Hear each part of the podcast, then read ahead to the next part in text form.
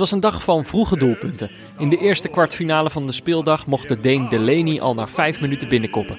In de tweede kwartfinale scoorde Kane na vier minuten. Als neutrale kijker heb je aanvankelijk een Pavlov-reactie van blijdschap. Doelpunten zijn nou eenmaal leuk, hebben we onszelf aangeleerd. Maar na die eerste blijdschap volgt al gauw vertwijfeling. Want het maakt natuurlijk ook nog uit wie er gescoord heeft en of dat wel bevorderlijk is voor de wedstrijd. Vandaag hebben we de twee scenario's gezien die kunnen volgen op een droomstart. Het kan betekenen dat de wedstrijd vroeg begonnen is, maar helaas ook dat de wedstrijd al vroeg is afgelopen. Dus druk daar, Sterling. Toch een goede bal van Sterling. En er is de goal al. Van Harry Kane. Dat is heel snel. In de vierde minuut. Eerste kans raak voor Harry Kane. Een droomstart voor Engeland. Ja, Jordi? Ja, Peter. Uh, ja, we hebben natuurlijk net uh, twee kwartfinales gezien. Maar Ja. als we heel eerlijk zijn, waren jouw uh, gedachten vandaag natuurlijk uh, bij, bij één object, object dat jou overhandigd zou gaan worden. Ja, hier is het al gecoming home. Jij kreeg vanochtend al een, al een berichtje. Ja. Een bericht waarin stond It's coming home. Met een foto erbij. Ja, van een PlayStation 5 op een treinstoel. ja. Voor, voor, de luisteraars die. Voor, voor de ene luisteraar die nu denkt. Oh, aflevering 24, daar ga ik beginnen. het kan, het kan, Het kan. Peter. Je, je, ja, of gewoon voor de mensen met een, met een minder goed uh, geheugen. Als je de statistieken erop naslaat, dan, dan zou het inderdaad goed mogelijk kunnen zijn. Nou ja, ik heb op Twitter al, denk ik, eh, wanneer is dat ding gereleased? Dat is drie kwart jaar geleden, denk ik. Niet aan te komen. Chiptekort, COVID, Sony eh, denkt, ja, boeien. Dus ik was altijd een beetje geïrriteerd, geërgerd over het feit Sony dat ik... slaat eh, jou eigenlijk uh, expres over, toch? Dat is het eigenlijk. Ja, en ook alle, alle bedrijven die dit soort zaken verkopen in Nederland. eh, De Bol.coms, de Cool Blues met een domme app en een domme lotingen. Die hebben geprobeerd om jou kapot te maken. Ja, Maar toen was daar ineens... kennen ze eh, deze podcast nog niet. Toen was daar ineens eh, Michael. En Michael die mailde ons eh, over het feit dat hij een PlayStation 5 had gekocht, maar hem eigenlijk helemaal niet wilde. En in, in zo'n land leven we. Dat de ene die snakt naar iets en de ander die krijgt het gewoon opgestuurd. Zonder dat hij er eh, eh, een fuck om geeft. Maar ja, Michael, een fantastische gozer, sinds vorige week veel mee geappt. En ehm, volgens mij had ik ook toegelicht dat hij een vervent treinreiziger is. Mhm. Dus hij zei van, je hoeft niet naar Limburg te komen, ik kom wel naar jou toe. Dus ik dacht, nou, chill. Wat een, ja, wat een ongekende service. Ja, ik had nog eh, echt, wel, echt wel tien keer aangeboden van... eh, ik wil je ook wel tegemoet rijden. Laten we het anders, als het voor jou voordeliger is, in Utrecht. Of eh, weet ik veel, Den Bosch. I don't care, ik moet Ja, het waar apparaat ze- hebben. Waar ze, waar ze, waar een treinrace deze- dit weekend heen. Ja, maar ja, die was dus naar Amsterdam. Dus nou ja, oké, goed en wel. Gisteren natuurlijk waren we weer verlaat... omdat ik de- zo nodig naar Zo. ESPN moest.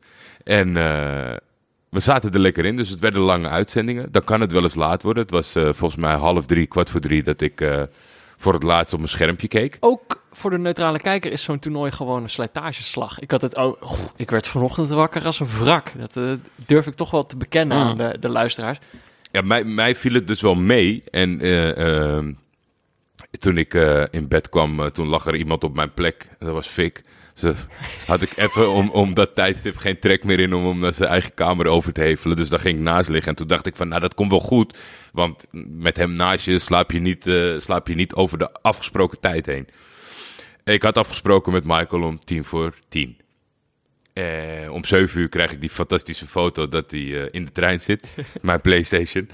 Dus stuurde ik van, oké, zie ik je zo, bla bla bla. Wat wil er nou? Ik draai me nog even om. Lot en Fik, Oh die gaan de hort op, boodschappen doen. En ik sta op. En ik kijk op mijn telefoon. Ik denk, tien uur. Ik denk, oh, tien uur valt wel mee. Waar is iedereen in huis? Ja. Ik pak mijn telefoon. Kijk goed. Drie oproepen gemist. Ik denk, oh shit. Oh shit. Oh shit. Oh shit. Weet je, het is natuurlijk... Het is een luisteraar van het eerste uur. En mijn naam en toenaam, alles is bekend. Dus ja, maar misschien dat je toch een beetje dat vertrouwensdingetje...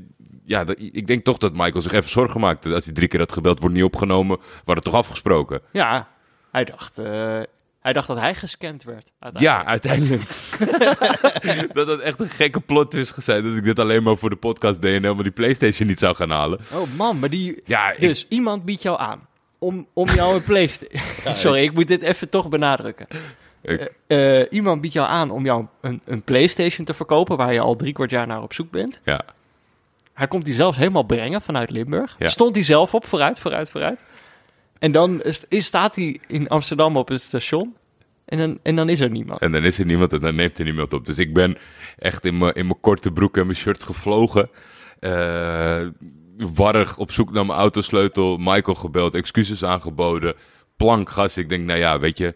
Accepteerde hij de excuses? Hè? Accepteerde Meteen, die? Oh. meteen. Dat hoorde ik al aan de lijn dat er niks jongen, aan de hand was. Michael, ja, het is, bent te goed voor deze het is een soort engel. Ja. Het is een soort engel. Eh, Anders kan ik niet stellen. Het is Engel Michael. plankgas. Ik denk, nou ja, weet je, zo'n PlayStation is niet goedkoop. Dus dan kan die boete er ook nog wel bij. Ik moet het een beetje goed maken richting Michael. Ik stoof over die ring heen. Neem de afslag. Rij richting de Piet Hein-tunnel. Wat toch wel de makkelijkste doorgang is om richting Centraal Toen Station. heb je Michael aangereden. Piet Hein-tunnel dicht. Oh.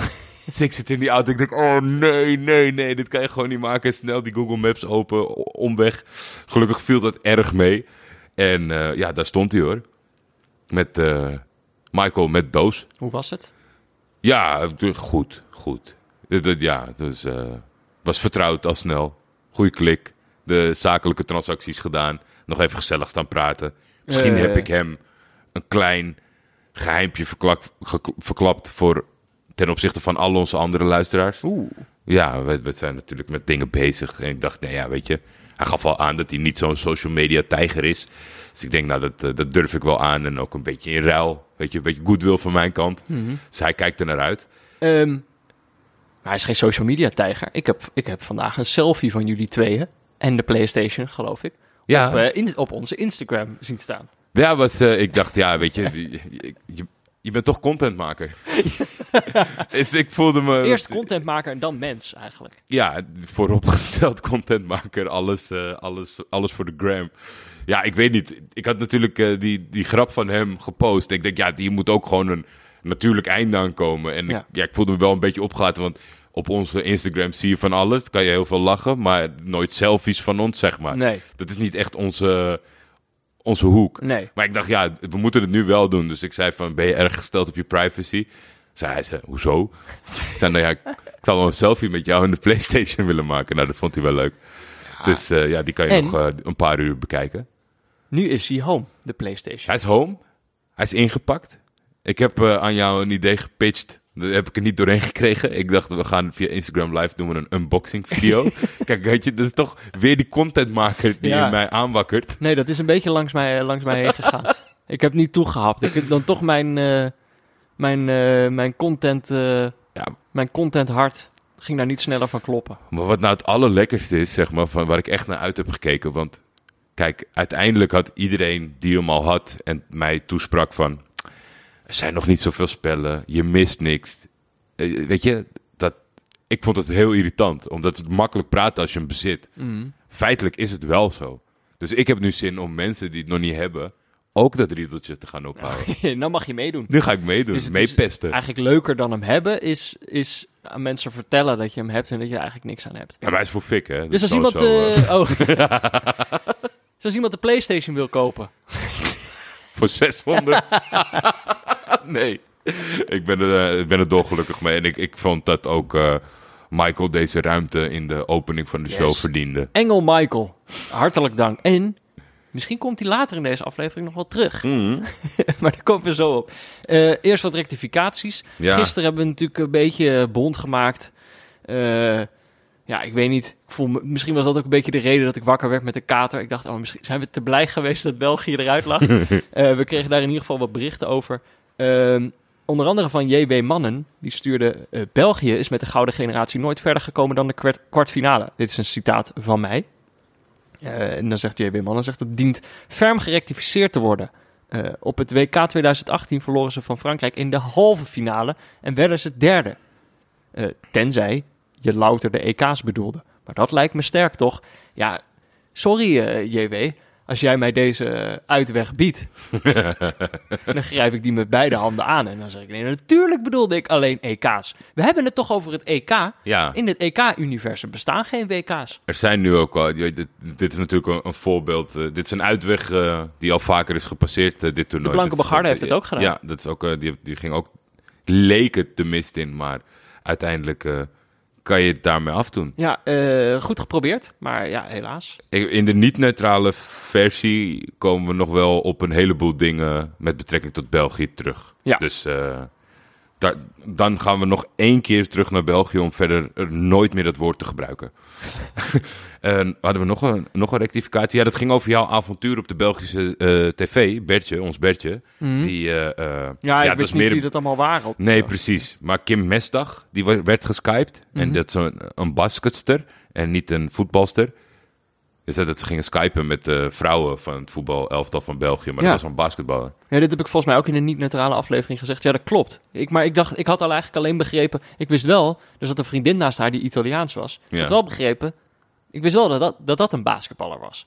Maar ik wist niet Die dat was zij- heel lang. Ik dacht dat zij... Nee, nee, ze zaten allebei, dus dat kon ik ook niet zien. Maar eh, het probleem was volgens mij ook dat, die, dat ze dat niet echt... eh, over die vriendin zeiden ze wel dat zij een Italiaanse basketballer was. Maar eh, ze zeiden dat over die eh, Belg niet. En ze gebruikte iets... Ze zeiden het... Dan gaan we nu naar een speelster van de Red Cats of zo. nee, Ja, Red Cat. Dat, Ja. dat, eh, ja. maar Dat, ik eh, wist helemaal niet. Ik dacht, oké, zo. Nou ja, wij zeggen ook Oranje Leeuwinnen. Ik Ja, dacht, nou ja, blijkbaar ja, ik- hebben zij ook een naampie bedacht. Ik snap het. En er zijn ook wat oudere mensen die dan, eh, waaronder Bertje, die ook nog eens tekeer zijn gegaan over het feit dat jij niet wist wie die oude man was. Toen, ik heb het natuurlijk Nou, niet gezien. Ik dacht inderdaad dat iedereen hem steeds Frankie noemde. Maar ik dacht, ik kan het dan zeggen. Maar als ik het helemaal mis heb, dan gaan ze nog veel harder op mij inhaken. Ja. Hij heette geen Frankie. Maar ik vind dit leeftijd-wise niet zo, niet zo erg dat jij deze man niet herkent. Dat is natuurlijk wel een, Ik vind het ook een beetje- Een behoorlijk icoon, maar wat, zijn, wat zijn dat ook voor rectificaties? Ik, ik kijk voor, eh, voor het eerst in, eh, in tien jaar een keer naar Sportza... en dan weet ik niet wie dat zijn. Ja, sorry hoor. Nee, nee, nee, maar het, je, kan het ook, je kan het ook zien als een beetje een, een toelichting. ja. Eh, wat ik gewoon echt heerlijk vind aan, aan deze show is dat hij zat per ongeluk bij niet-neutrale kijkers. Hij is nog niet binnen. Ik vertelde jou dat ik na de wedstrijd van Zwitserland een bonsaiboom heb gekocht. Die ik Jan ga noemen als aandenken aan dit toernooi. Eh, maar dan komt er gewoon een tip binnen van Chief Lee 420. Joh, kleine tip. Asserboompjes, want het was een asserboompje, moet je niet binnenzetten, want dan halen ze het einde van het jaar niet. Gewoon buiten zetten, zorgen dat de potgrond niet al te droog wordt en één of twee keer per jaar bijknippen. Over hoe dat moet en wanneer kan je prima video's vinden op YouTube. Dit is... Je koopt een bonsai en er is altijd wel een luisteraar te vinden die weet. Die gewoon je leven redt. Dat ik niet mijn geld verkwansel door hem hier in de kast te zetten. Maar hij moet dus op het balkon. Eh, en nog één dingetje, is niet echt een rectificatie, maar ik vind het wel eh, leuk om te weten. Dit kunnen we nog gebruiken verder in het toernooi. Ik Jouw heel- favoriete voetballer? Ja, ik kreeg, ik kreeg een DM'tje van Wesley Victor Mak. En jij...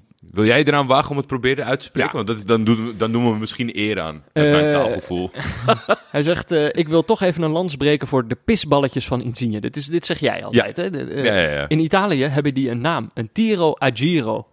Insigne, Kermisattractie.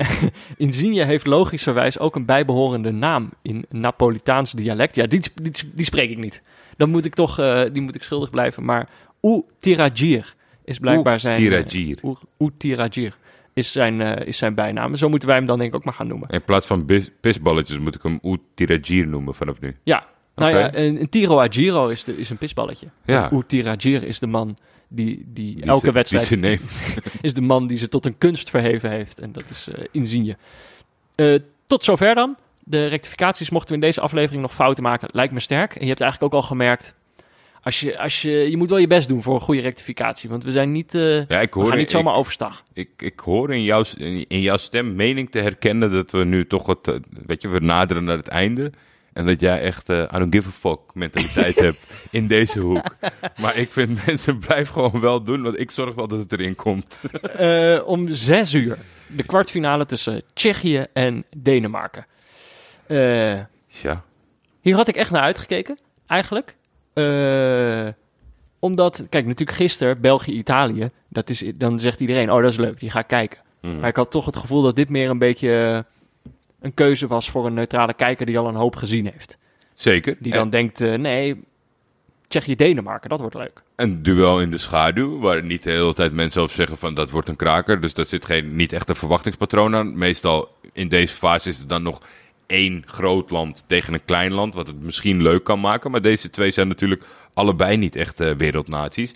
Dus wat dat betreft, eh, eh, ja, ik ging er blanco in. En als, over het algemeen, als je er blanco in gaat, dan, dan pakt dat vaak wel goed uit. Maar Weet je wie er niet blanco in gingen? Weet je wel. Ze hadden wel witte shirts aan, maar het was na vijf minuten al raak. Delaney 0-1. En ja, ze nemen een corner, die, die Denen.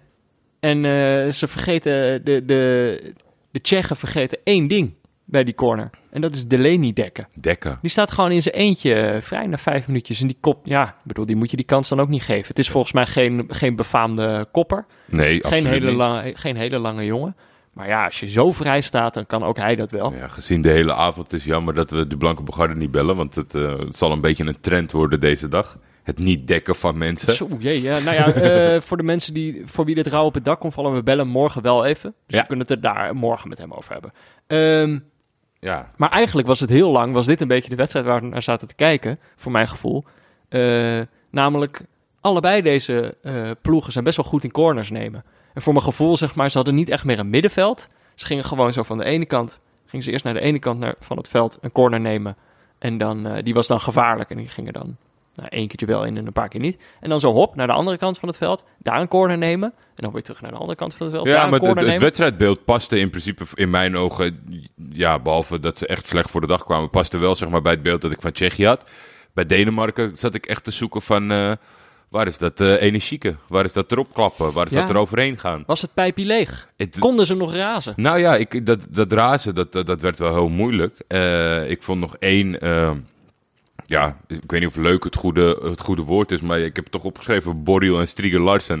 Die hebben op een gegeven moment... oh, ja, Een luchtduel? ja, Striger wil hem aangaan. Het begon als luchtduel. En een, en een vernuftig tikje van Borrell... waardoor eigenlijk eh eh Striger Larsen uit balans raakt. En, en slecht valt, maar in zijn val... Komt hij weer op de, op de kuit van Borrell terecht. En ze lagen allebei te creperen van de pijn. Maar dus het was echt Larsen had toen last van zijn rug. Maar, Ja. en want die kwam vervelend op die, voet, op die voet of het been terecht. Maar daardoor had Borrell had weer last van zijn benen. Lagen ze allebei. Het was echt een soort klunzige uh, ja, ik vond, ik, ik eh. vond het echt een, een klunzig kunstwerk. Want je- zeker in de herhaling ook als je het ziet... geen van alle bedoelde wat er uiteindelijk gebeurde. En allebei lagen ze te creperen van de pijn. Ja. Eh, nou ja, maar dit, met dit soort dingen moesten we het een beetje doen. Want ze gingen er wel hard in. Er werd niet echt geraast, maar... eh, nou ja, we kunnen het ook wel zeggen. Dit was ook wel een tulbandwedstrijd. We hebben uiteindelijk twee tulbanden gezien eh, gedurende deze wedstrijd. En Record voor dit toernooi. Eh, zeker. Ja. Ik heb er tot nu toe een paar gezien, maar nooit twee in één wedstrijd. En ook gewoon veel gasten die, die op de grond liggen, harde duels. Maar ja, eigenlijk leek het voor, vlak voor rust al een beetje voorbij.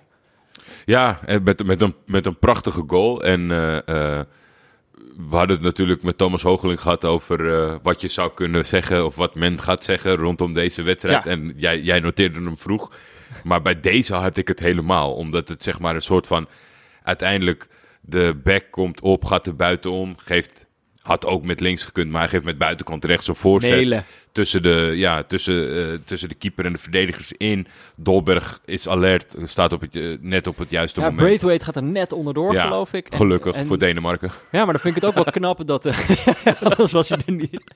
Maar dan vind ik het alsnog wel knap dat Dolberg zeg maar anticipeert op het missen van, van Braithwaite... en op de juiste plek staat en die bal gewoon Ja, die zal hem nog beter kennen dan ons. Nee, maar het- natuurlijk is dat knap. Omdat, maar ik vind wel, dat is the way to go, zeg maar. Je, je, je moet er altijd staan. Want stel dat hij hem inderdaad en jij bent halverwege gestopt. Dan kan je daar weer een soort van balen van had ik maar. Dus dan Ja. kan je het maar beter wel doen. Dus leuk voor Dolberg dat hij weer zijn doelpuntje maakt. Maar ik had meer. Dit is het moment dat eh, de niet-neutrale man in dit land gaat zeggen... Dat is ons voetbal. Ja. En hier hebben wij Hebben, van verloren. We hebben we nou hiervan verloren? ja, maar f- 5-3-2, daar, daarom hebben we van deze Tsjechen verloren. Want als we gewoon 4-3-3, dan kom je vanaf de buitenkant, geef je een voorzet en dan maak je hem. En ik, ik had bij dit, hier had ik echt het moment dat iedereen zou zeggen van, goh, Nou hier ja. hebben we van verloren. Nee. En omdat we wat anders deden. Nou, toen was het rust. Pierre van Hooijdonk zat aan tafel bij Studio Europa en die zei het gewoon. Dat we hiervan hebben verloren. Zei dat Nederland hiervan verloren heeft. Dat heb Eh, ik niet gehoord. Maar ja, ja, ik, Maar ja. terwijl ik eigenlijk ook... En dat, dat... Kijk, en dat is natuurlijk ook een beetje... Ik had het gevoel dat je ook in deze wedstrijd eigenlijk wel kon zien... waarom Nederland van Tsjechië verloren had. Dus ik vond eigenlijk... Ik snap waarom je dat kon denken. Dat Ook gewoon omdat ze 2-0 achter staan natuurlijk. Maar ik had juist wel het gevoel... eh, die Tsjechen de- deden hier precies hetzelfde. En had Denemarken het ook nog vaak genoeg lastig mee. Want je kan zeggen, de pijp was leeg. Maar dat druk zetten van die Tsjechen...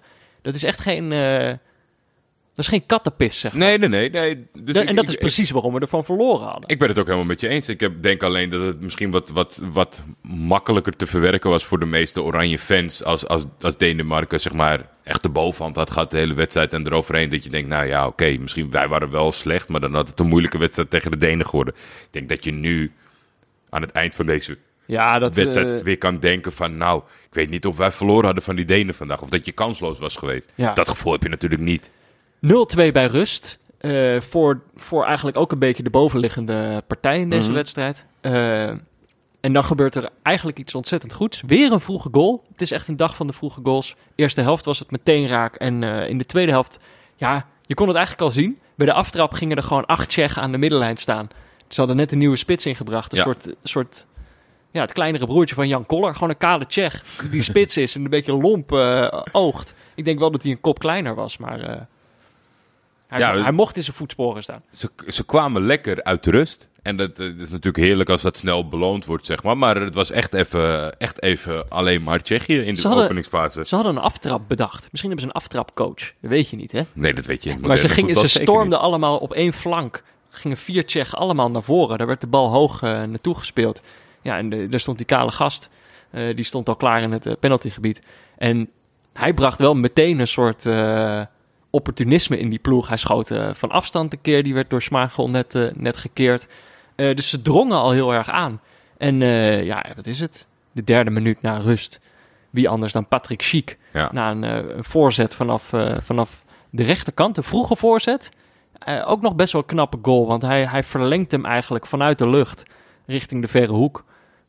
Ja, hij zal dit vast al, al duizenden keren op trainingen zo gedaan hebben. Maar het moet je in de wedstrijd ook maar lukken. En dat is gewoon lekker voor de neutrale kijker. Toch? Hij Goed zit, voor de eh, wedstrijd, alarm, schreef Goed, ik op. goed voor de wedstrijd, zeker. Dat sowieso. En eh, die jongen zit eh, echt lekker in zijn vel. En het, het, het, het gaf enigszins hoop op dat we toch een soort van spannende, spannende wedstrijd zouden krijgen in de tweede helft. Mhm.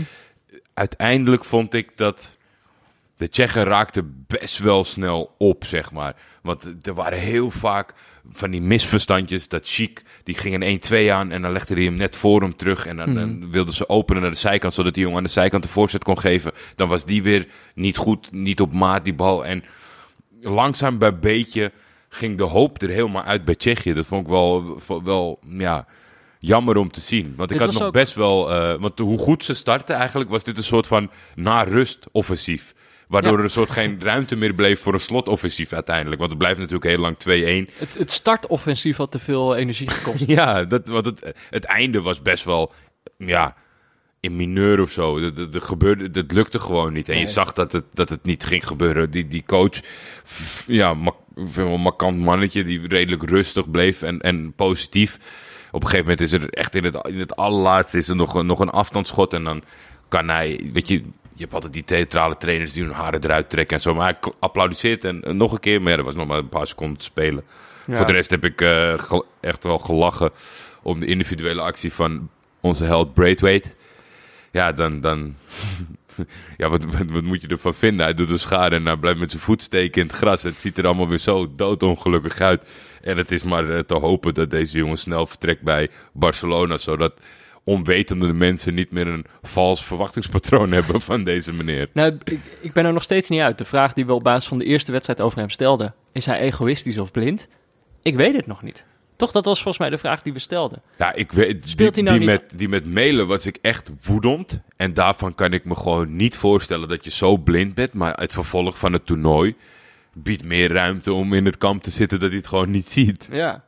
Maar Hij ben- ziet ook gewoon het gras niet. Ik, ben, ik ben er gewoon, ik ben er gewoon, ik ben er gewoon nog, niet, eh, nog niet helemaal uit. Ik vond het wel, je, je hebt het eigenlijk al beantwoord, maar ik vond dit een beetje in de slotfase, volgens mij net na de wedstrijd, het tweeten eh, Stijn, het à la Philippe eh, underscore, eh, die we vaker aanhalen in, in deze show. Die tweet ook, ja, heb je ooit geloofd dat die 2-2 erin zou gaan? Nee. En op dat moment vroeg ik me dat af en toen dacht ik, ja, volgens ja, mij eerste niet. kwartier naar rust. Ik heb het gehoopt, maar ja, precies. Eerste kwartier naar rust dacht ik echt van dit, eh, oeh, die Denen gaan het zwaar krijgen. Omdat natuurlijk ook dat het pijpje leeg, dat was in het eerste helft natuurlijk al zichtbaar. Damsgaard werd snel gewisseld, die speelde echt een goede wedstrijd. Maar daar zie je dat er gewoon, er wordt zuinig omgegaan met die jongens nu in deze fase. Eh, ik vond dat wel.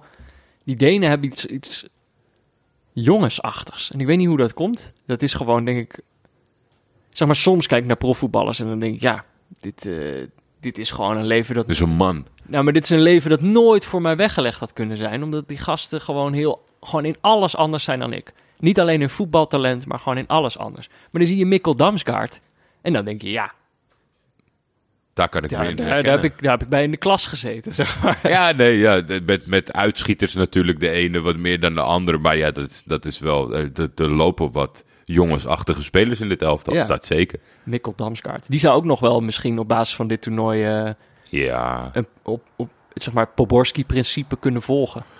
ik zit even te denken. Ja, die, de Scandinaviërs liggen natuurlijk goed in... eh, hij in- zit al in Italië, Engeland. toch? Ja, hij zit bij Sampdoria. Maar bij... Het is een beetje zo dat... Hij zit eigenlijk op een... Oh, jeetje. Hij zit al op zo'n goede plek dat ik... Ik had vorige keer al... Ik kan niet de hele tijd blijven wijzen naar de Premier League, zeg maar. Het is natuurlijk wel uiteindelijk het land en Het de land waar de competitie Poborski-transfers gaan plaatsvinden. die dat gaat doen. Maar ja, Ja. eh, ik weet het niet. Ik weet het niet. Het- ik denk dat, die, eh, dat er best wel geïnteresseerde clubs zijn in deze jongen om, een- om, om een stapje te maken. Of hij echt, of een Arsenal zich hier weer in, in, in, in, een- in een bananenschil gaat stappen, dat weet ik niet. Ehm, er was nog één momentje. Analist Marco van Basten komt eh, na deze wedstrijd. Schuift hij aan, want we hadden tijdens de wedstrijd hadden we Amrabat en Pierre van Hooijdonk Ja, als, eh, als analistenduo. En eh nou schoof Marco van Basten aan voor de, aan, voor de avond. leuk weer Amrabat, vond ik. Het gekke is, het eerste wat Marco van Basten zegt, moet je gewoon maar opletten. Dat heeft hij tot nu toe iedere keer gedaan. Het eerste wat hij zegt als hij aanschuift voor de avondaflevering. En dan vragen ze hem natuurlijk naar wat hij van de vorige wedstrijd vond, want die is net afgelopen. Het eerste wat hij altijd zegt is, heb ik niet gezien. Ja, Zat hij in de auto of zo? Dat is dan zijn excuus. En hij had misschien helemaal het begin van de wedstrijd wel gezien. Want hij- dit is namelijk waarom ik erover begin. Eh, hij doet iets op tv. Hij zegt, ja, die, die eerste corner waaruit Delaney scoorde... was helemaal geen corner. Eh, daar, toch wel, eh, want we hebben ze nog niet genoemd... toch wel een fout van Team Kuipers, oeh. zegt Marco van Basten. En eh, degene die hij hier die fout in de schoenen schuift, Erwin Zijnstra... hij zegt dus, dat was geen corner. Nou, ik heb net gecheckt, of VI Pro heeft het gecheckt. Ik heb, ik heb dan weer VI Pro gecheckt. Ja, Het was helemaal gedaan. was geen fout. Live, live op tv is Erwin Zijnstra kapot gemaakt. onterecht. Onterecht. Wauw. Dus het werd Dat- al gesuggereerd, oh, slecht nieuws, slecht nieuws voor Team Kuipers. Die zullen dan wel geen eh halve finale krijgen. Ik denk dat u even dat Niks beter beoordeelt dan San Marco. Maar ja, misschien eh, ja, dan ga je toch...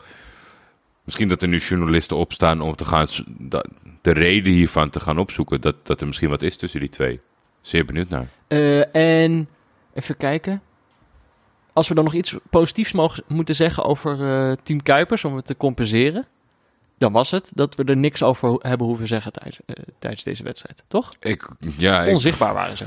je verraste me ermee, maar dat was ook daadwerkelijk mijn antwoord geweest. Want ik heb, eh, ik heb verder geen, eh, helemaal geen mening over de arbitrage hier. Ik vind hem altijd, ik, kan hem niet, ik kan hem niet zo serieus nemen sinds er is vastgelegd dat als hij internationale wedstrijden fluit als een soort van dronken schot praat. Ja, ik denk dat hij, eh, fragment toen tegen Messi? Volgens mij of tegen Neymar doet hij dat. Nou, dat is sowieso wel een beetje zijn stijl, hè? Is gewoon spelers uitschelden.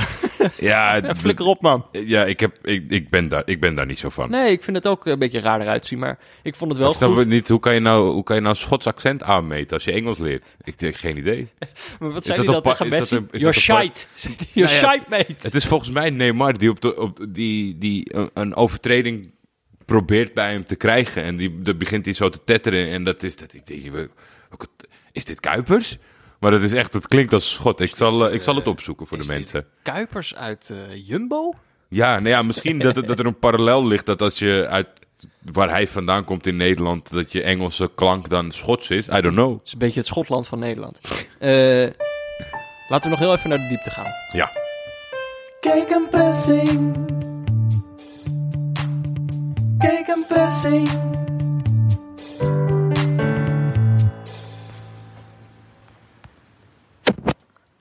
Pierre van Hooydonk zei met een zucht van verlichting. Afgelopen seizoen had hij zich gestoord aan al die lage en teruggetrokken voorzetten. En zie nu, de hoge voorzet is helemaal terug. Met zijn verleden als targetman begrijp ik die nostalgie. Maar onderaan de streep is de comeback minder indrukwekkend dan hij lijkt. In totaal is er dit EK 17 keer gescoord uit de voorzet het open spel. Daarvan zijn er 1065 gegeven. Wat betekent eens in de 63 keer succes. De teams die zich in de voorzet specialiseerden waren Zwitserland, Oostenrijk, Tsjechië, Kroatië en Polen. Die zijn allemaal al naar huis. Terwijl de geringe tijd die hier bij nationale ploegen is om de- een defensieve structuur neer te zetten, suggereert dat het succespercentage van voorzetten hoger moet zijn dan normaal. Als dit dan het resultaat is, dan belooft dat weinig goeds voor de hoge voorzet. Sorry Pierre, Kijk een pressing. Oei. Oei, dat slot ook. Kijk een pressing. Dat is ook, Pieter is heel klein, hè? Die heeft nog nooit een voorzet binnen kunnen koppen. er zit ook een diepere frustratie in dit blokje, volgens mij. Er wordt, er wordt weer gelijk een soort oorlog gemaakt met de mensen eh, op tv. Nou, Pieter is wel echt deze hele zomer al in een soort van oorlogmodus. Hij eh, laat niet met zich zollen. Zullen we ehm, het zo meteen gaan hebben over eh, Oekraïne-Engeland? De kwartfinale van sponsor. 9 uur. Ja, Ja. ik denk, eh, want we blikken niet vooruit op morgen. Wow, Dus je bent wel eh, erg aan het, eh, aan het freewheelen. Maar let's go.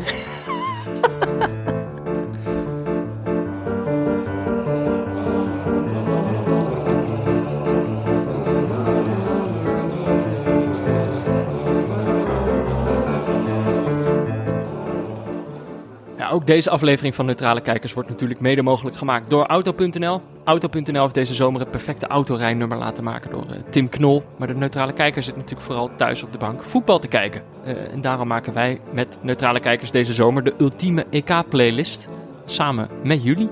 Eh, de formule is bekend, elke dag zet een luisteraar een liedje erin. En dan moet hij er ook eentje voor slachtofferen. En vandaag is het niet zomaar een luisteraar. Nee, het is Michael. Engel Michael! ja, die heeft Hij nog is- tijd gevonden. Ik hij denk, is weer eh, afgedaald naar, naar de aarde. Ik denk omdat hij nog dat hele stuk terug moest in de trein, dat hij nog tijd had om een mailtje te sturen. Ik moet heel eerlijk bekennen, en als je dan vandaag gemaild hebt met een playlistverzoek, dan weet je dat het over jou gaat. Het was vandaag erg moeilijk, maar Michael, Engel Michael, heeft een streepje voor natuurlijk. Er, is, er zat nog één mailtje bij die ik misschien nog wel probeer te antidateren in de aankomende dagen, want die vond ik erg sterk. Oké, Eh, sinds jullie de ultieme neutrale kijkers EK-playlist hebben geïntroduceerd, zit ik eigenlijk te wachten totdat iemand E-Type Campione 2000 ging toevoegen. Zover als ik weet is dit nog niet te sprake gekomen. Dat klopt.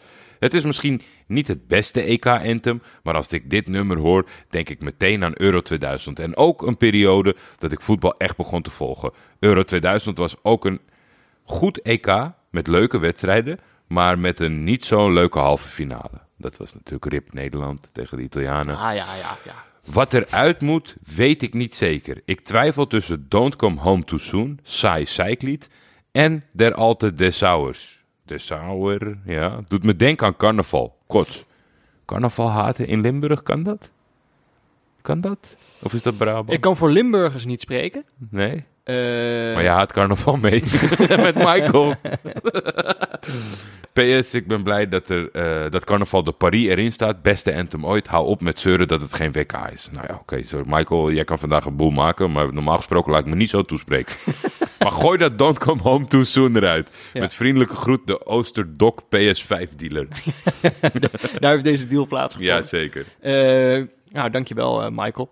Ehm, mocht je nou ook een liedje in deze lijst willen zetten eh, en ook een andere willen slachtofferen, eh, nou, dan kan je dat natuurlijk doen door te mailen naar neutralekijkers.gmail.com.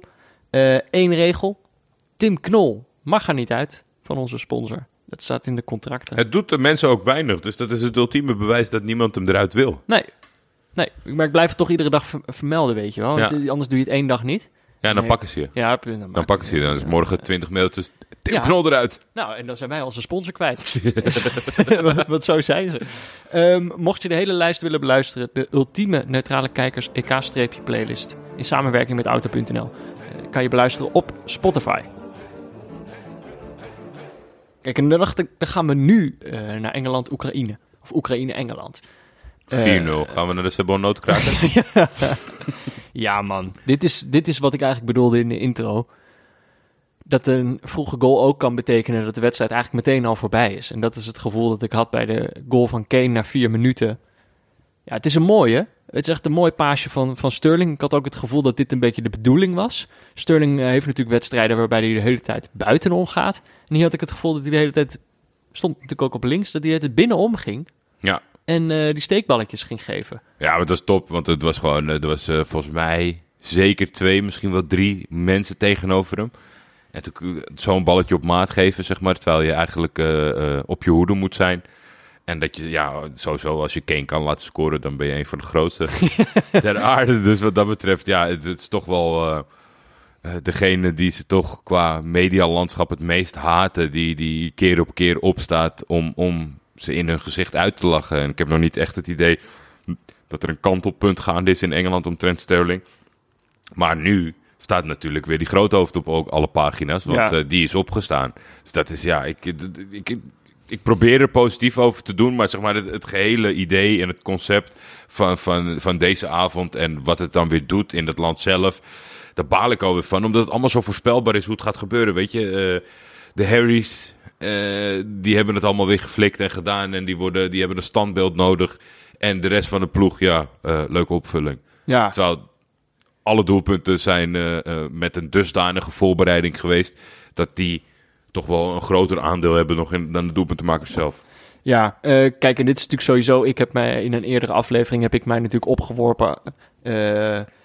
ik vond dat Engeland zo ver mogelijk moest komen, omdat het goed was voor de neutrale kijker. Mhm. Maar dat betekent natuurlijk niet dat ik in deze specifieke wedstrijd eh, zit te genieten. Want dit was natuurlijk voor de neutrale kijker gewoon eh, een, nachtme nachtme nou, een nachtmerrie-scenario. Ik bedoel, de, nul, de hele eerste helft blijft het 0-1.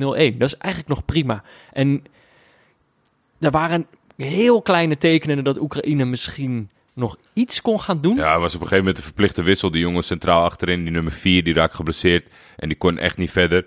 En daar kwam eh Chik- Chikanov voor in. En toen ging het iets lekkerder draaien. Toen denk je van, nou ja, misschien. Maar Misschien ja, verzinnen ze in, kunnen ze in de rust. Want dat is natuurlijk de hele eerste helft het probleem. Die vroege goal is voor ons irritant, maar natuurlijk voor Oekraïne ook. Zij hadden waarschijnlijk een plan. eh, zo lang mogelijk geen tegengoal krijgen. En dan kijken of we een keer wat, eh, Ja, wat kunnen is doen. Niet, is niet gelukt, maar er waren wat voortekenen, aan, aan- voordat we naar de tweede helft gaan, wat voortekenen aan de, aan de voorkant van dit duel, dat het misschien niet het allerbeste ooit zou worden. Heb je dat gezien nog met knielen? Ja, What the fuck was dat? ik weet Zelfs niet. Engeland deed het niet massaal. Toen was er één Oekraïner die zo door zijn heup ging. Toen dacht oh fuck, wij doen het niet. En toen ging Engeland, de helft ging opstaan en de helft bleef op zijn knie. Wat? Het is toch niet zo moeilijk? Je gaat naar buiten. Tegenstander maakt dus niet uit, want er is al vaker voorgekomen dat landen of teams hebben gezegd: wij doen hier niet aan mee. Maar jij wil dat statement maken. Dit is toch, ja, misschien wedstrijdspanning of zo. Je spreekt toch af: wij doen het. Dan doe je het. Hoe kan het nou fout gaan? Kijk, Ja. die ene Oekraïne, dat vond ik nog wel lachen. Maar die Engelsen, dat was echt een totale Oh, jij, jij zegt dat bij het knielen zag je eigenlijk al dat het, eh, nou ja, dat ik, niks ik, zou gaan worden. nou, ja, kijk, 4-0 kan je niet zeggen dat het niks is geworden voor die Engelsen. Maar ik, ik was wel een soort van bang dat dit een beetje de tendens van de dag ging worden. Dat het allemaal een beetje, ja, niet zo goed, niet van hoog niveau zou zijn. Nee, het knielen was al van, eh, van een, een laag niveau. Eh, wel, wel daarbij gezegd, dat is natuurlijk sowieso het gekke. Eh, het is in Engeland al heel erg een onderwerp van discussie geweest, waar wij het volgens mij nog niet heel uitgebreid over gehad hebben. Is dat eh, bij de uitzwaaiwedstrijden deden ze natuurlijk ook. Het is een, een statement tegen, tegen racisme. En eigenlijk, volgens mij is het ook eh, nu een beetje samengegaan met het specifiek eh, het online racisme tegen spelers via sociale media. Ja. Ehm, maar dat tijdens die uitzwaaiwedstrijden er een gede- eh, gedeelte van- het publiek was dat de boel ging roepen. Ja, ja, Dat ja, was hele, heel eh, erg naar het, e- naar het openingsduel. Toen was het van, oeh, niet boeien, niet boeien. En toen hebben nog een paar grote groeperingen zich uitgesproken van, jongens, niet, eh, niet hier eh, Ja, Garrett over Southgate, had, Garrett Southgate had een heel eh, welbespraakte eh, brief geschreven... waar ik eigenlijk wel verrast door was. Ik bedoel, eh, we hoeven ze niet allemaal bij naam te noemen... maar ik zie ook zo bondscoaches voor me... die een stuk dommer uit de hoek zouden kunnen komen... eh, in dit soort situaties. Die zich niet zo, ja, die zich niet zo duidelijk en genuanceerd kunnen uitdrukken op zo'n moment. Er zijn er echt veel actief dit EK, maar toch heeft, zit iedereen nu thuis met één Je man in weet, zijn je weet precies wie ik bedoel. maar eh, Die dan de, de verkeerde activiteit bovenaan plaatst. De, de, Het onderwerp de fout. trainer die ik bedoel had een brief geschreven waarin staat... Ah joh, dat was de brief geweest. Eh, maar de, op zich, uiteindelijk was het ze volgens mij wel gelukt. Je hebt het boegeroep, volgens mij misschien bij de eerste wedstrijd van Engeland nog een beetje gehoord. Maar uiteindelijk heeft volgens mij wel iedereen een beetje besloten om de spelers... Want het is zo raar. dat hun eigen publiek Zich tegengekeerd. met, met een selectie waarin zwarte spelers zitten die iedere dag worden blootgesteld aan de, aan de, de meest ranzige shit, waardoor dat spel voor hun gewoon minder leuk is om te spelen.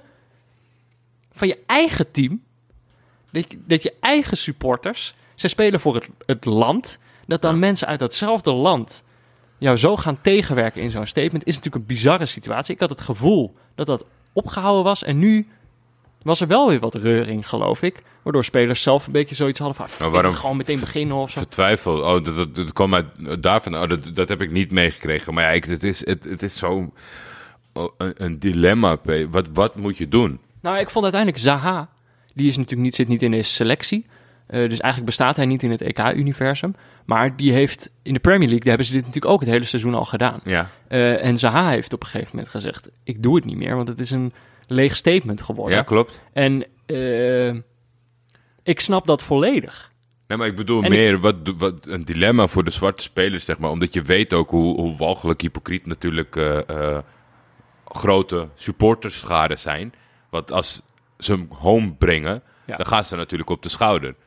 Maar dan de eerstvolgende interland, de eerstvolgende clubwedstrijd... is het gewoon weer van vooraf aan die man die je op de schouder hebt genomen. Maar ja, je kan ook niet voor een land uitkomen... en dan de hele tijd boos terug de kleedkamer inlopen... dat je dus niet wil zegenvieren, zeg maar. Dus ik, Ja. het lijkt mij zo moeilijk. Maar je, ja, eh, intenties zijn allemaal goed. Ver- veranderen doe je het op korte termijn niet. Dus ja, je hebt er mee te leven. En... eh, ja, het is- uiteindelijk kan iedereen het, zeg maar, blijkbaar. Want het is, als je, het is ook misschien maar goed dat ze er niet allemaal de hele tijd continu over nadenken. Want anders kom je er niet uit. Want je kan eigenlijk als Engelse speler met een andere kleur dan Harry Maguire. Dat, is- dat, zijn dus, dat is dus bijna elke tint die er op de, op de, op de kleuren waar je beschikbaar is. Want die jongen is doorzichtig. Kan je eigenlijk niet juichen met je eigen publiek. En dat geldt natuurlijk voor meer landen. Hè? Ja. En dan is het nog een partje of wat dan ook. Maar hier moet je gewoon hele grote groepen, die, die soort van gebundelde supportersgroepen, moet je tot de orde roepen. Ja, ik, als ik erover nadenk, dan lijkt het me bijna onmogelijk om blij te zijn met, met je prestatie, zeg maar. Ja, dat is, maar ik bedoel, dat is... Ja. Maar het is breder, hè. We hebben het natuurlijk eh, dit seizoen in het clubvoetbal ook gezien. En het is gewoon een hele moeilijke, lastige situatie. Alleen, ja, ik snap niet... Ik, ik snap, en dat, dat is volgens mij keer op keer als het hierop aankomt... dat ik niet beg- begrijp dat spelers niet doorhebben wat hun macht is, zeg maar. Ja. Dat hebben we natuurlijk aan het begintoernooi met het verschrikkelijke geval Ja, bij die- Denemarken. Dat als die hadden gespeeld, of hadden moeten spelen terwijl ze dat niet wilden... en dat UEFA had gezegd, zo sorry... Nou, waarschijnlijk hadden ze dat ook gezegd, het toernooi gaat door waarom durft niemand, zeg maar, actie te nemen? Nu is met de, ander, nu op dit toernooi hebben we natuurlijk, ja, nou ja buiten die, die regenboogvlaggen incidenten. Maar op het moment dat je als team ervan afstapt, dat je volledig in je recht staat in het concept van de normale mensen. Dan krijg je bijval van alles en iedereen. Ik weet het zeker. Maar er is nog steeds niet Ik vind iemand geweest die het is geweest. Ik vind het lastig om dat te zeggen, omdat ik zelf natuurlijk niet echt in een vergelijkbare situatie... Ik ben ook doorzichtig, zeg maar. Jij hebt meer kleur dan Harry Maguire. Maar dat oké. komt ook omdat het hier nu warm is. Ehm, ja, dit, is natuurlijk, kijk, dit, eh, eh, het laatste wat ik erover zeg. Dit is natuurlijk wel wat het ook lastig maakt om, om eh, het Engeland echt te gunnen. Doordat je ook iets beter bewust bent van die competitie en van die spelers. En wat er precies mee speelt. Je weet gewoon welke shit Sterling allemaal over zich heen gekregen heeft. Waardoor, waardoor je die mensen net iets minder gunt. Veel minder. Ja, Veel toch? minder. Ik heb echt, ik vind Sterling aan zich, kijk, er zijn ook jongens die er, die er goed mee wegkomen. Of die dan net, maar het was, er is een jongen in deze selectie, daar was het alweer gebeurd. Fuck. Saka? Ik denk Saka. Ik denk dat Saka Ja, een huis had gekocht. Ja, dat stond alweer in de krant. daar, daar word ik zo kotsmisselijk van. Maar ik snap...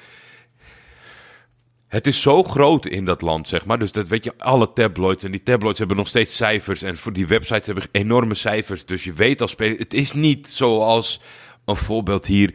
eh, een heel dom groepje van een bepaalde politieke partij. Waarvan je kan zeggen van, dat is niet Nederland. Dit is wel Engeland. Dus ik, ja, het lijkt me zo moeilijk om in Sterling zijn voeten te staan. En dan vind ik het zo eigenlijk ongelooflijk knap en ja, indrukwekkend dat hij zo goed zijn best kan doen. Of dat hij hier wil zijn. Ik snap niet Ja. dat hij hier wil zijn. Ja, dat was, ik, eh, ik had toch weer de voorbeschouwing even op de BBC gekeken. Dan werd hij ook geïnterviewd. Het is gewoon wel...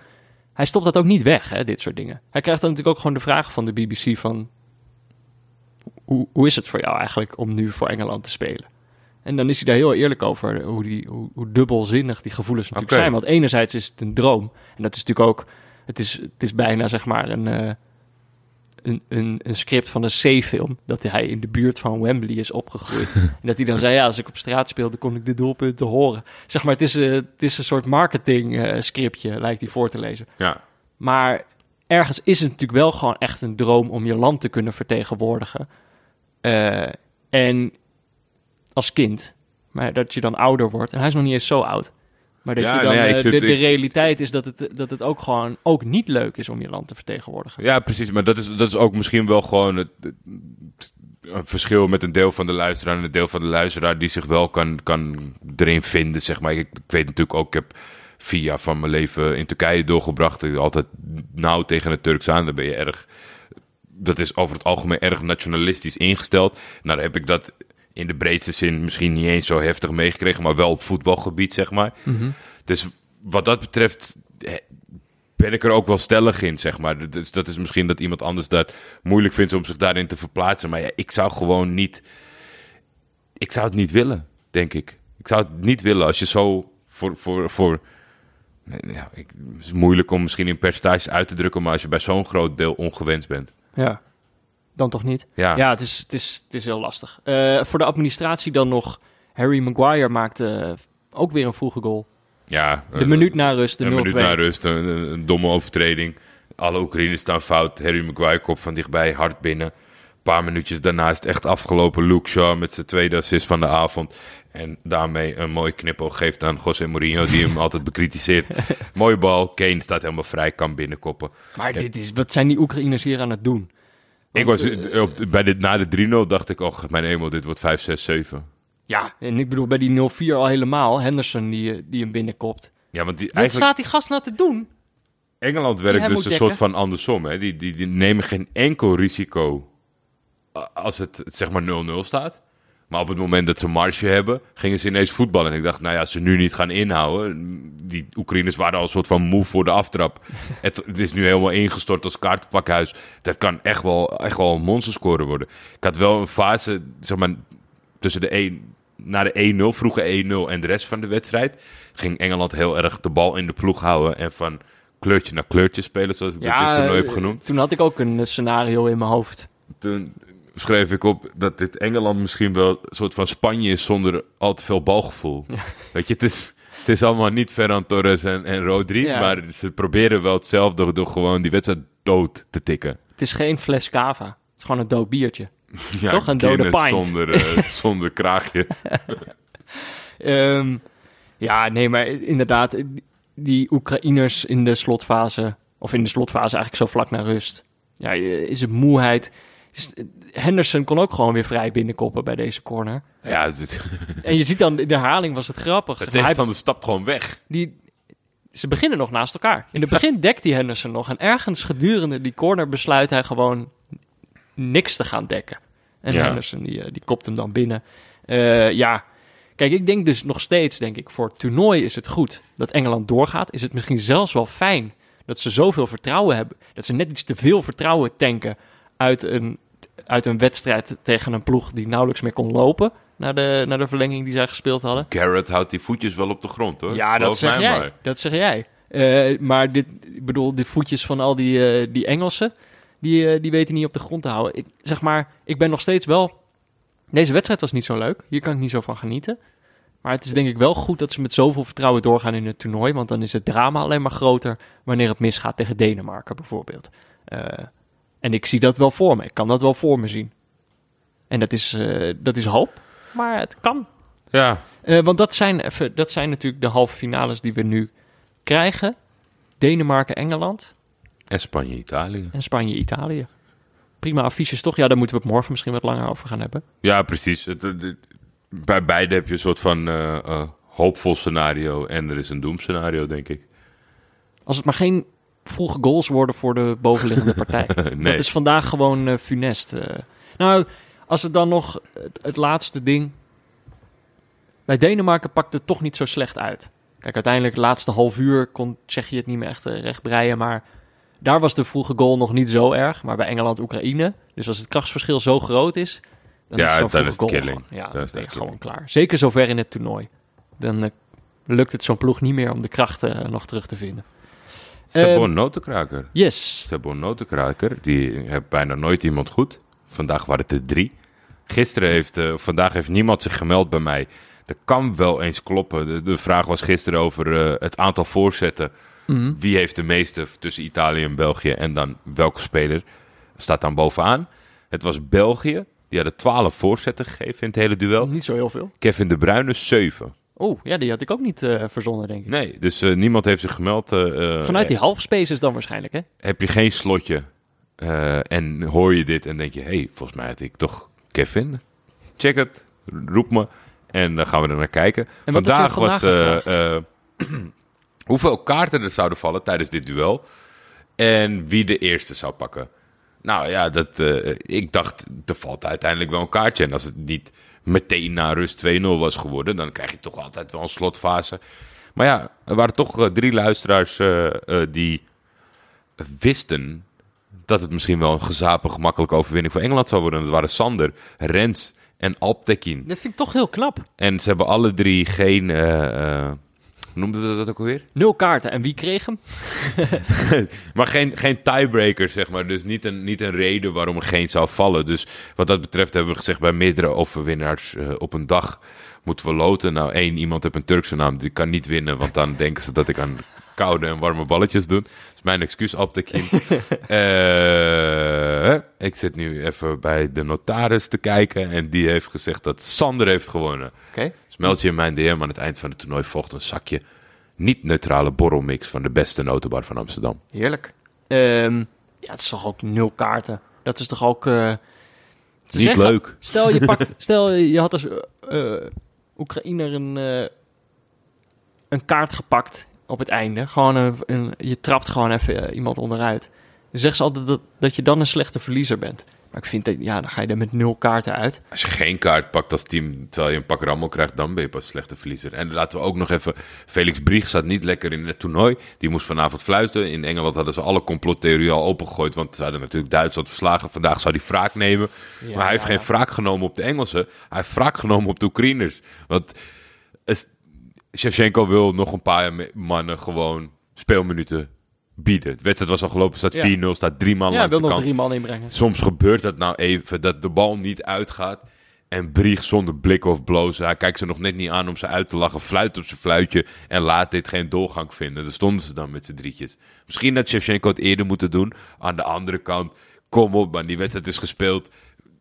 Bij wijze van als scheidsrechter tackle zelf Nou, even die bal uit. Ja, maar nou, Geef een hoogtebal. nou kunnen die gasten nooit later vertellen dat ze ooit op het EK hebben gespeeld. Mancini staat te huilen in zijn- fauteuil eh, thuis, kan ik je Oh, vertellen. Als die, dit overkomt. ik ja, met die derde keeper. Dat is wel, eh, ja, met die derde keeper, dat die, dat die klaar staat. En dat dan gewoon 20 minuten de bal Kuipers niet lachend zo. Daar gaat je droom, Roberto. Met een Schots accent.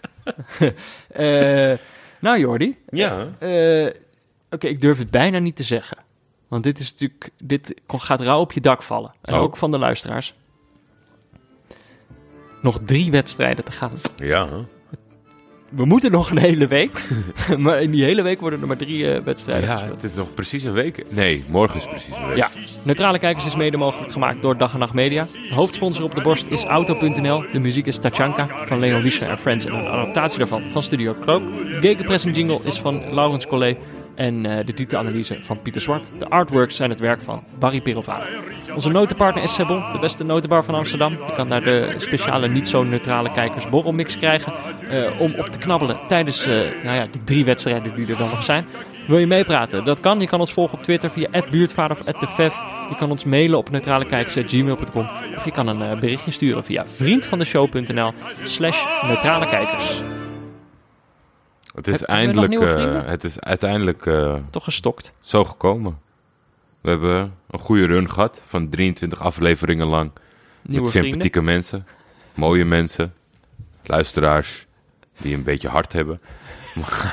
Het is, eh, het is gestokt. Aflevering 24 is er geen update wat betreft nieuwe vrienden. Er zijn hartstikke veel leuke berichten en dat soort dingen allemaal voor de, de niet-neutrale aflevering en dat soort zaken. En, en de nieuwtjes. Ik moet even nog één huishoudelijke mededeling. Mhm. Ehm, ik heb vandaag eh, gezwoegd achter mijn pc om eh, een soort van eenmans e-commerce bedrijf te worden. dat, is, eh, dat is ontzettend goed gegaan. Ik denk wel, de, de deadline was zeg maar maandagavond. Eh, als morgen weer zo'n dag is, dan schuift hij op naar zondagavond. Dan is het dat, dat laatste. Maar het belangrijkste is, ik snap het, het is moeilijk. Je moet je mail in de gaten houden, want jij vult een formulier in. En dan kan het zomaar zijn, zoals gisteren, dat ik acht uur of tien uur later de mail stuur met de betaling. Maar ja, die moet je wel even in de gaten houden. Als je een formulier hebt ingevuld, check je mail, want daar zit de bevestiging in. Als die niet komt, dan gaat die naar de drukker zonder jouw shirtje. Ehm, ja. En eigenlijk is dit dus gewoon om, om mensen eraan te herinneren dat, dat dit niet geautomatiseerd is. Nou, als je mijn Dit mailtjes letterlijk- ziet, ik kan het je zo laten zien hoe ik dat heb gedaan met een, met een URL'tje en een tekstje die iedereen krijgt. Ik heb twee tekstjes. Eén voor, ja, dit is echt, Peter, dit moet je, dit is toch ongelooflijk. Het- Er staat een formulier. Ik weet niet of je het formulier gezien hebt. Ja, zeker. Ja. Dan staat er eh, zeg maar een soort van naam, Mhm. e-mailadres. ja. Eh, dan staat er volgens mij straat, postcode, plaats. Ja. En dan staat er dat je het, het- je maat moet aanklikken. Ja. Het zijn gewoon mensen die alleen een postcode intypen. Ja, dan word- ik gek, hè? Word ik gek, want dan zit ik gewoon... En dus ik heb twee, twee geautomatiseerde soort ogende tekstjes gemaakt. En eentje dat staat op... hey, als je denkt dat je misschien niet compleet al je gegevens hebt ingevuld... reply die nog even. Dus als je die hebt ontvangen, dan weet je in ieder geval... dat ik niet weet waar ik hem naartoe moet sturen. Want als jij zegt 1025 XC...